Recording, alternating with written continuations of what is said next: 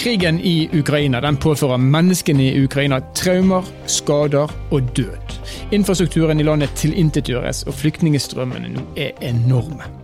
Vesten svarer opp Russland med økonomiske sanksjoner, men hvordan vil disse sanksjonene slå ut i Russland? Og hvordan vil de slå ut for alle oss andre? Dette er Nord-Norge i verden. Mitt navn er Stein Vidar Loftaas.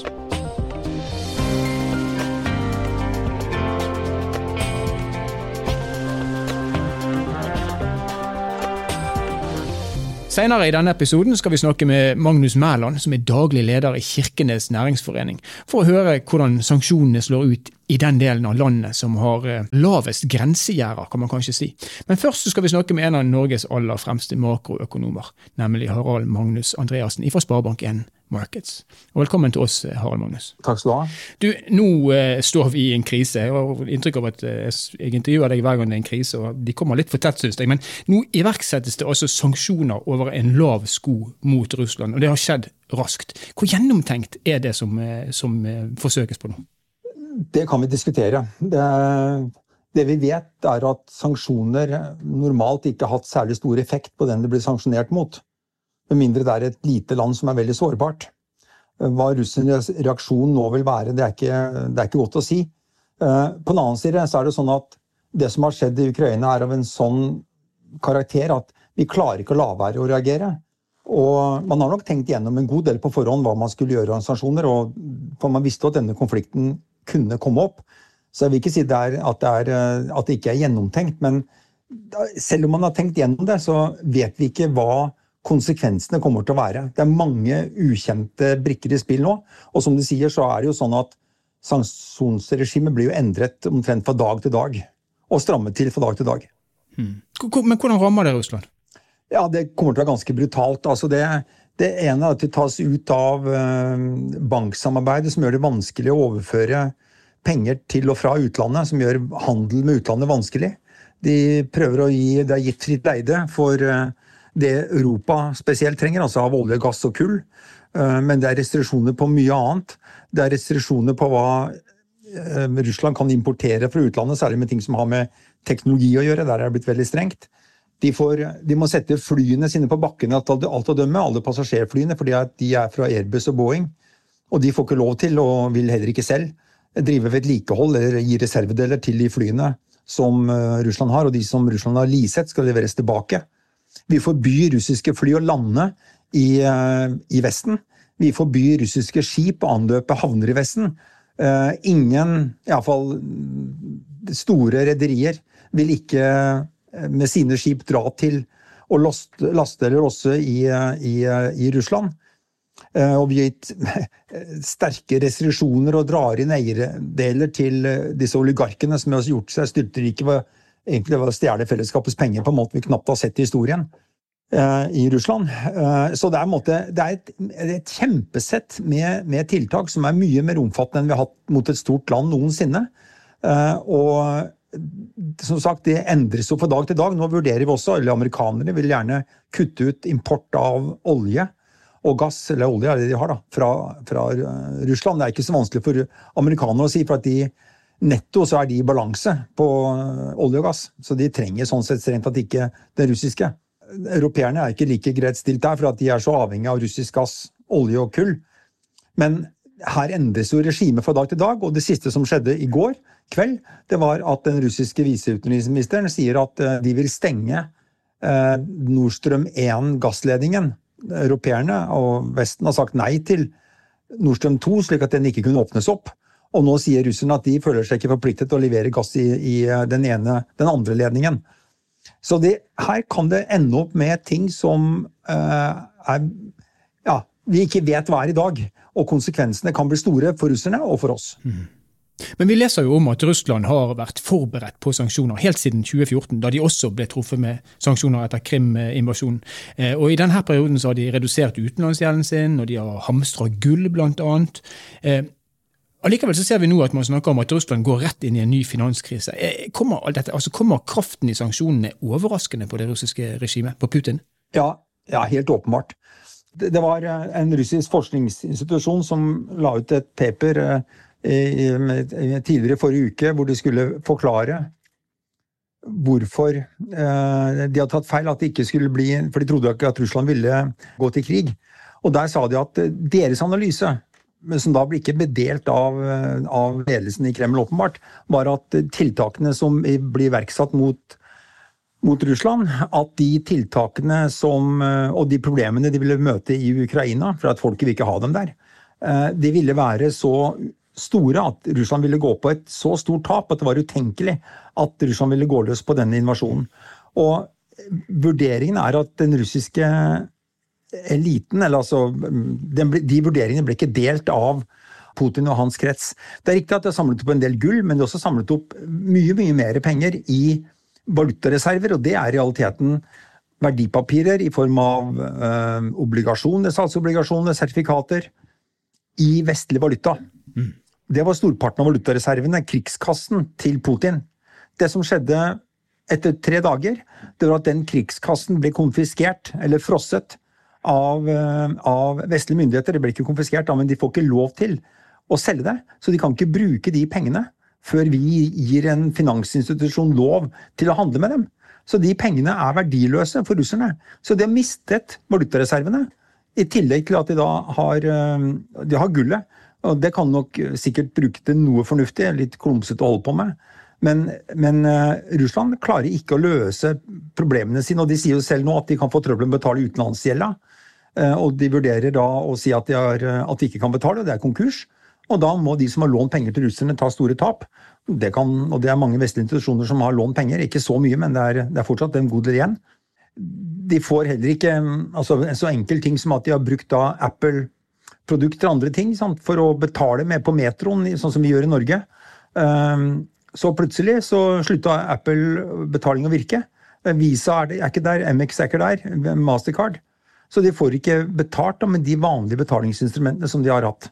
Nå kan de bruke MIR, som er de russiske ekvivalentene her, men det, det er ikke gjort bare i en håndvending. Så dette er de, de, møter problemer nå. Jeg så en analyse fra et tysk institutt som konkluderte med at eh, russisk BNP ville falle 10% Men Hvis vi ser enda lenger frem, for nå, nå, er vi i ferd med å isolere dem, og de, det virker jo som at de nesten hjelper til sjøl når de snakker om å strupe eh, gassrørledningene, som nå enda gir de inntekt. Ja, men Hva ville du gjort hvis du hadde, hvis du hadde blitt stengt inne? Da kan du tenke så Det, det var ja, jeg og mange andre som sa at den store risken her, det er jo at eh, de motsanksjonene som russerne selv føler at de vil komme med, for de også er forbanna på det som nå skjer. Og de svarer da med å gjøre noe rammer, hvor det rammer oss mest. F.eks. Europa mest, som er da å strupe gasstilførselen. Og gassprisene har jo da føket i været nok en gang. Opp til et veldig høyt nivå, som da er utfordrende for Europa. Men det gjør de selvfølgelig for altså De setter, eh, setter, makt mot makt på en måte. Men la oss si at vi lykkes med denne eh, isolasjonsteknikken som vi er i gang med å gjennomføre mot dem. Hva vil skje med den russiske økonomien, og hvor fort vil det gå galt, hvis jeg kan eh, spørre på den måten? Nei, det vet, det vet, vi ikke sikkert, men altså, som sagt, en, en langtidseffekt på BNP på 10% minus i forhold til hva det ville vært uh, uh, uten sanksjoner. Og det vil i så fall være mange års økonomisk vekst som da ryker. Men, men det, er, det, er, vanskelig å si, her, fordi at som du sier, de har prøvd å gjøre seg mer uavhengig, men realiteten er at alle land i dag er veldig avhengige av, av hverandre og av vareinnsats, men også ideer og kapital fra andre. Uh, og det er nok kanskje det mest alvorlige her, det er at, at russerne blir isolert, også måtte kalle det tankemessig sett. At de, uh, og at dyktige russere skjønner at fremtiden ikke ligger i Russland. Den ligger et annet sted.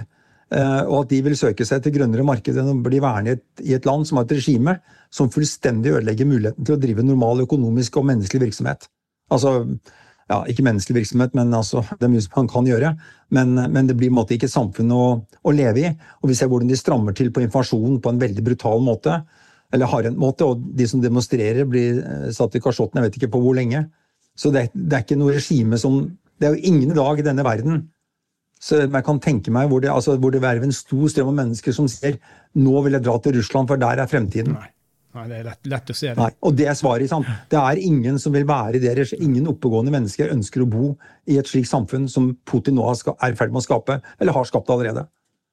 Og det er den store risikoen for det, for det russiske samfunnet. De har nok mat, nok korn, de har nok olje og gass, så de kan holde seg varme og mette. Men utover det så blir det to smått og et lite etter hvert. Hva med resten av verden? da? For De sanksjonene de påvirker jo ikke bare Russland. Vi, altså Ringvirkningene av det treffer oss mer eller mindre alle. Hva vil skje med verdensøkonomien? Ja, Det, det er også vanskelig å si. for at Selve sanksjonene har ikke en alvorlig effekt for resten av verden. Det påvirker de baltiske statene, Finland som eksporterer en del til Russland, hvor det er viktig. Men ellers, Russland skal vi huske på er altså i utenriksøkonomisk eller handelsmessig sammenheng en, et, et, lite land. Eh, de eksporterer mindre enn Spania. Eh, litt mer enn Polen. Eh, selv om de da er verdens største på olje og gass. Så utenom olje, gass og, og kull, så er de egentlig ja, det er, en, de er en ubetydelighet. Og det betyr at, og de importerer også lite. Så det er veldig få som er rammet av at de ikke får importert til, til, Russland, eller får eksportert til Russland. Det er, liksom, det er, noen, selvfølgelig, et verft i Kirkenes sant, som har reparert fiskebåter fra, fra Russland. Åpenbart. Så det finnes jo enkeltselskaper. men Ta Norge, da, så tror jeg 0,3% av, av eksporten vår er til, er til, Russland. Det er omtrent ingenting. Vi importerer faktisk en del mer, for vi importerer råvarer og sånn fra dem.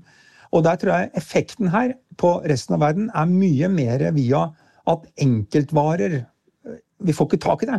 Ikke, det blir for lite nikkel, det blir for lite neongass og kryptongass som brukes til å lage halvledere. Vi kan få noe trøbbel på, på mat, men jeg tviler egentlig, for der er det der er ikke verdenshandelen så stor. Og selv om Russland og Ukraina er store på hvete, så betyr det ikke så mye for verdensbalansen, men det kan være noe. Men det er mange sånne ting du aldri har tenkt på, som plutselig er en vare som er innom Russland eller Ukraina, som du da har bruk for, og som du ikke får tak i. Og vi har sett da et veldig kraftig løft i råvareprisene, og da spesielt på olje og gass. Men det er ikke pga. sanksjonene våre. Det er fordi at vi frykter at, det, at eller, det siste på olje har vært pga. at amerikanere vil ikke kjøpe russisk olje. Og hvis vi skal stenge all russisk olje ut fra verdensmarkedet, så blir det katastrofal mangel på olje. Eh, men det er bortimot utenkelig. De har en 6-7 Deres eksport utgjør 6-7% av samlet verdensforbruk av olje. Og kuttet det er altså eh, Det var vel litt lavere under pandemien hvor alt sto på bakken, har sagt. Men eh, det, det vil være en katastrofe for verdensøkonomien. Nå tror jeg nok at det ikke at Russland kommer til å få eksportert en god del olje, men risikoen er at det blir at amerikanere gjør alvor av det, at andre gjør alvor av det. Men også at da, som vi har snakket om allerede, russerne sier ja, jeg kan ikke si det på radio, men det begynner på F og U. Uh, vi, stenger, vi, stenger, gassledningen, så fryser du også. Eller da fryser du. Uh, og betaler fryktelig mye for den gassen du, du uh, eventuelt får av oss. For vi eksporterer så mye mindre enn før. Og når slike ting skjer, så eskalerer det, og da er det ikke godt å vite hva konsekvensene blir. De fleste har nedjustert anslagene sine på vekst i verden. Kanskje 1 prosentenhet, halvannen til to, avhengig av hva som da skjer med energiprisene. For hvis det er sånn at vi får tak i mindre energi, så blir det lavere aktivitet direkte. Altså vi har ikke nok olje til å flytte tingene rundt, om du vil. I tillegg så vi som kjøper olje, gass og strøm, må da betale mer enn før og ha mindre penger å gå i butikken for. Og dermed så reduseres aktiviteten i økonomien. Nå måtte den i rike land da uansett dempes, fordi at uh, gjennom pandemien så har det gått så bra i store deler av våre økonomier at vi, jo, vi gikk jo ut i høykonjunktur. Med, med, stor mangel på arbeidskraft. Det er ikke bare Nord-Norge nå som mangler arbeidskraft, det er hele landet. Og det er hele Europa. USA. Uh, og det betyr at vi måtte kjøles ned uansett. Og det vi kan si, er at uh, kanskje Putin tar seg av avkjølingen i stedet for sentralbanksjefene. Ja en uønska effekt som sådan, men likevel kanskje noe positivt med det. Men aksjemarkedene de påvirkes jo. Du, du snakker om en, en reduksjon i, i, vekstanslagene. Aksjemarkedene, hvis man ser bort fra energisektoren, så rammes jo de allerede. Ja, Det er fordi at vi skjønner at her er det noe usikkerhet som har slått inn, som vi ikke har kontroll på. Også at det er sannsynligheten for at vi får et økonomisk tilbakeslag er større. Mm. For at vi har hatt noen ganger før hvor, hvor oljeprisen har steget mye. Og det har vært sammenfallende med, eller sånn pluss-minus, vært sammenfallende med at økonomien har gått i revers. Nå er det sånn at det, at det er mange andre ting enn oljeprisen som er viktig. Eh, det er ikke oljeprisen som styrer konjunkturen, men den påvirker.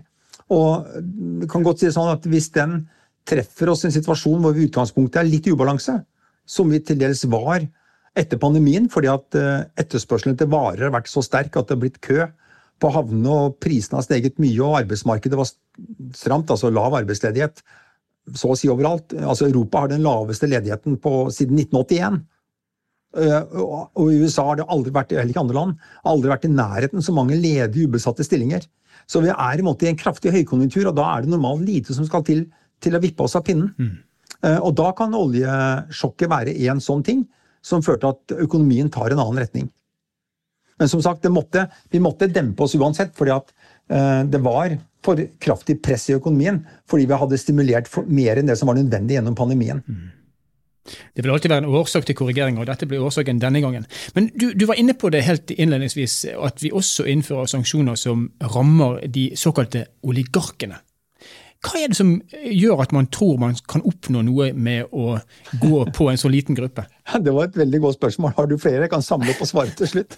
Nei, det, det, Grunnen er at uh, man oppfatter at det russiske regimet er måtte, illegitimt.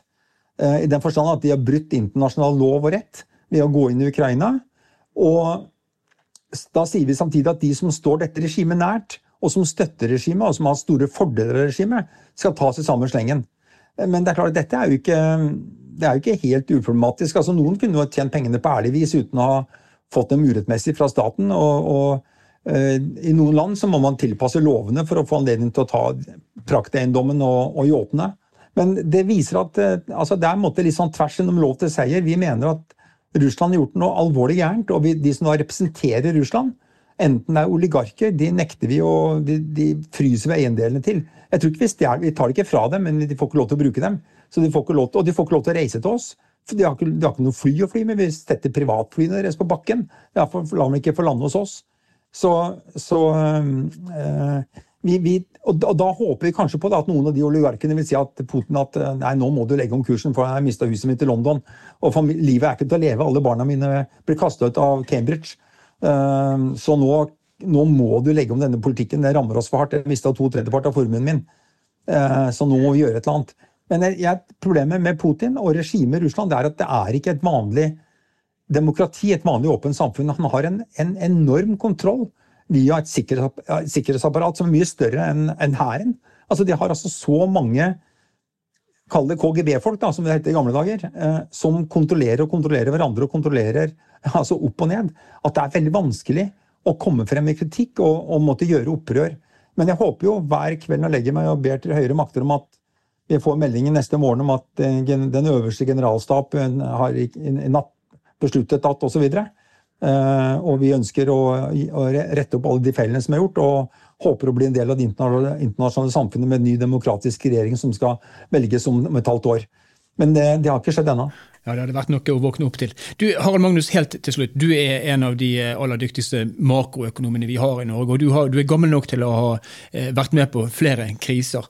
Hvis du hadde bestemt, hva form for økonomiske sanksjoner mener du man ville hatt mest effekt av? Det er, det er et veldig godt spørsmål. Jeg det, men jeg, jeg minner om at basert på historien på hvordan sanksjoner virker, så er det at det er, det er ikke noe vits i. Det virker ikke.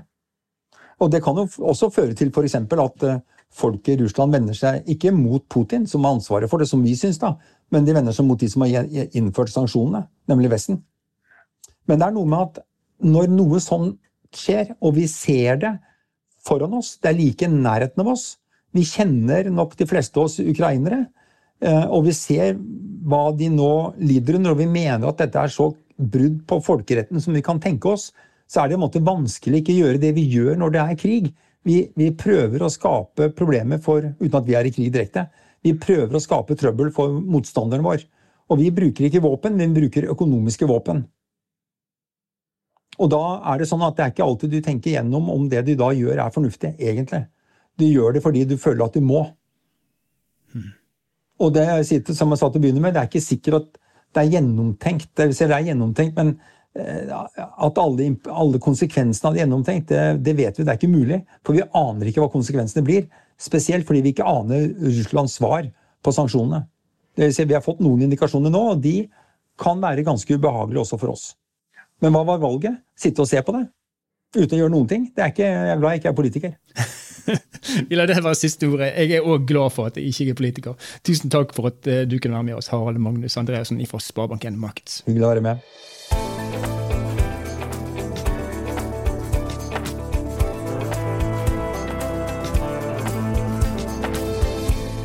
Kirkenes ligger kloss opp til den norsk-russiske grensen, og i hele Øst-Finnmark så har handelen med Russland vært en, ja, en naturlig del av dagliglivet i ja, nesten i ualminnelige tider. Nå setter sanksjonene en stopper for det. Hva blir konsekvensene, hvordan vil det påvirke næringslivet i området? Det skal vi nå snakke med Magnus Mæland om. Velkommen til oss og til Nord-Norge i verden, Magnus. Tusen takk for invitasjonen, det setter jeg stor pris på. Du, eh, Magnus, du er daglig leder i Kirkenes næringsforening, som er en medlemsbedrift for næringslivet i Kirkenes og Sør-Varanger. Hvordan er stemningen hos eh, næringslivet der oppe nå? Det er usikkerhet og vakuum. Det er det som beskriver det på best mulig måte. Eh, vi, eh, vi merker sanksjoner allerede, får meldinger om eh, mindre aktivitet allerede. Eh, det å få penger frem og tilbake fra Russland er jo selvfølgelig veldig vanskelig med, med at mange store banker i Russland er utafor Swift. Så vi merker noe, ja, men det er nesten som vi sitter og venter på at nå skal det skje noe stort. Men hvor avhengig er næringslivet i ditt område av den handelen som skjer over grensen med Russland? Sånn direkte så snakker vi kanskje om en 100-200 arbeidsplasser. Men hvis man tar for seg bedrifter og institusjoner som har ulike former for drift knyttet opp mot Russland, sysselsetter dem til, til sammen omkring sånn 700. Og det er anslått at kanskje 300 av disse arbeidsplassene er direkte avhengige av grenseoverskridende samarbeid og grensehandel. Mm. Og da i en kommune med en arbeidsstokk på 5000, eh, så sier det seg sjøl at vi er en stor utfordring.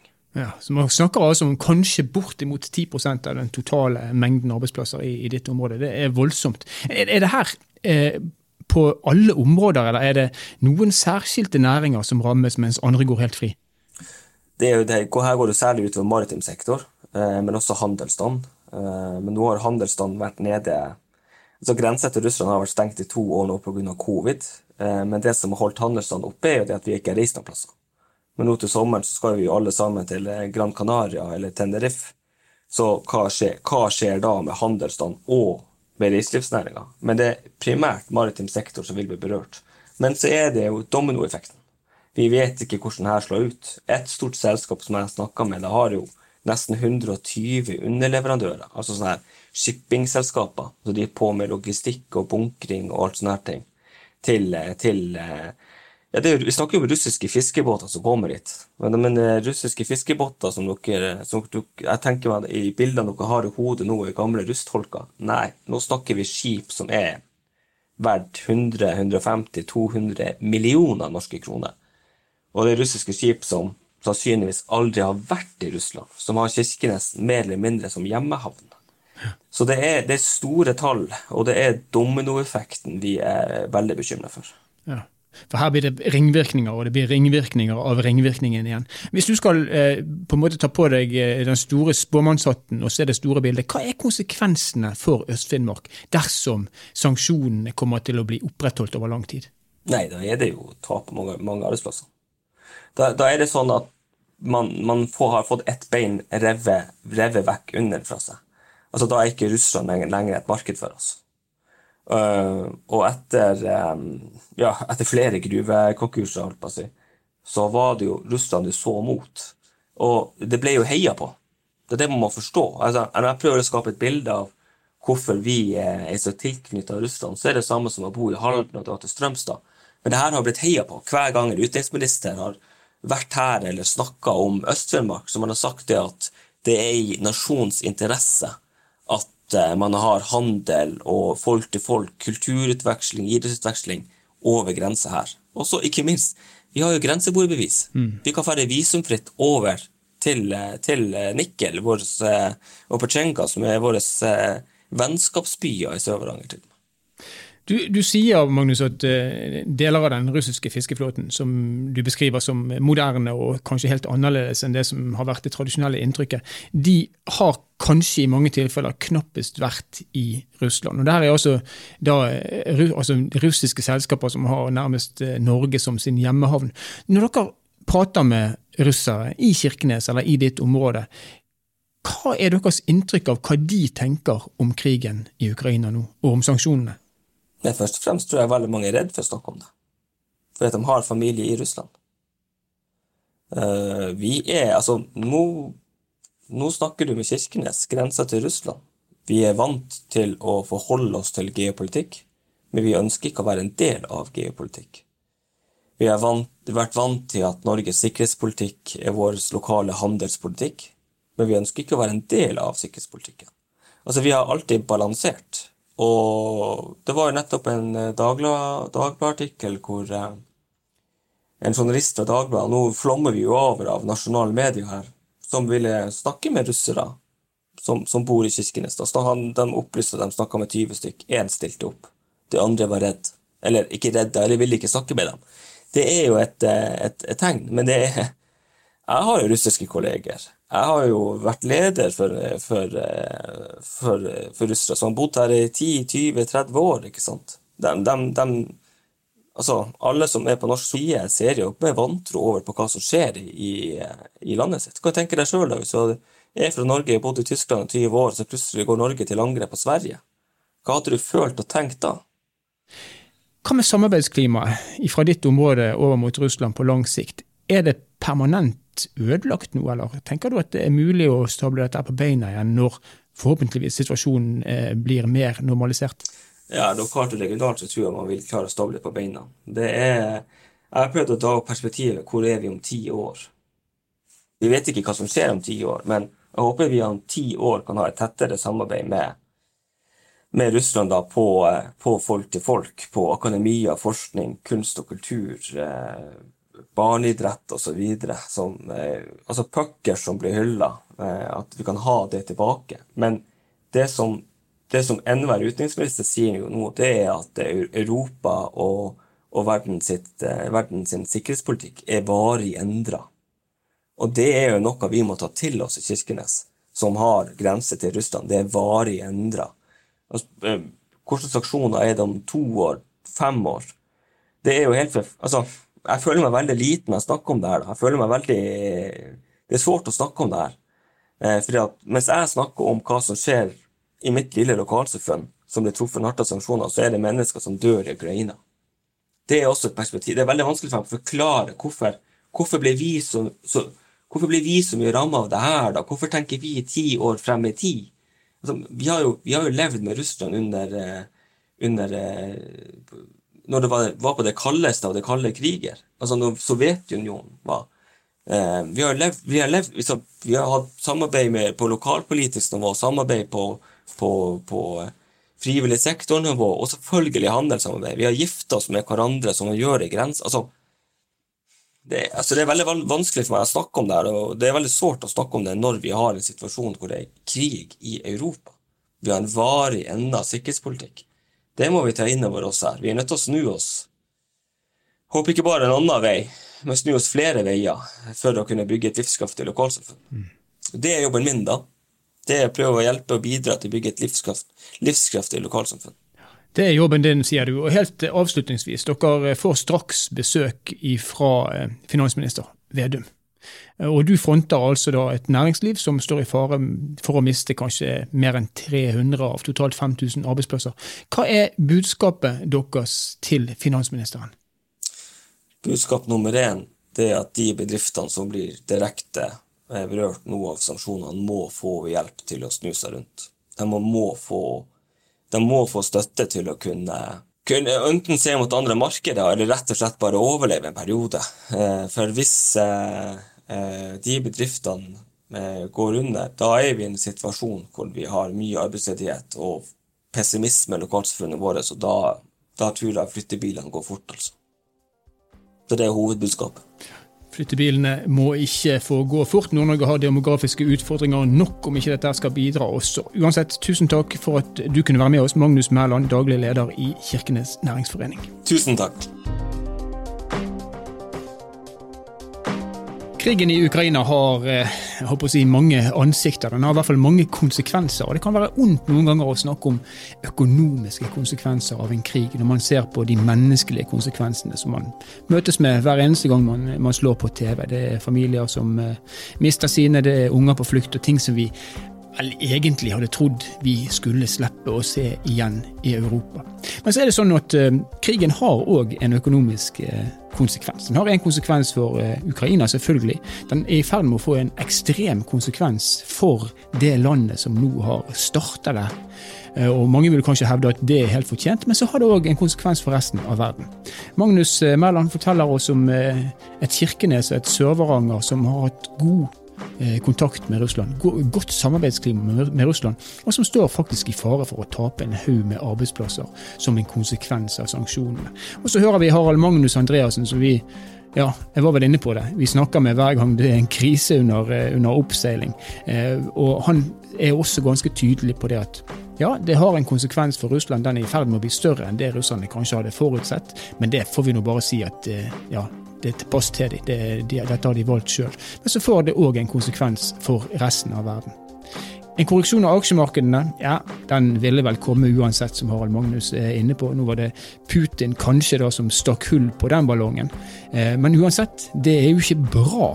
Og vi eh, kan også stå overfor en energikrise i Europa. Vi vet at 40 eh, av gassen i Europa godt og vel, den hentes fra Russland. Vi hadde tenkt at vi skulle fortsette å kjøpe energi fra Russland, så kan det hende at russerne nå sier at nei, hvis dere innfører sanksjoner mot oss, så innfører vi sanksjoner mot dere. Og det er en krise som vi neppe har en kortsiktig løsning på. Vi får bare se. Jeg håper, og det tipper jeg at alle dere som hører på denne podkasten, håper også, at krigen er over fort. Dersom han ikke er det, så har vi antakelig bare sett begynnelsen på de økonomiske konsekvensene av den. Nord-Norge i verden er en podkastserie som er laga av Sparebank1 Nord-Norge i samarbeid med Helt Digital. Musikken du har hørt, er laga av Emil Karlsen. Mitt navn er Stein Vidar Loftaas. Vi høres igjen i neste og forhåpentligvis litt muntrere episode.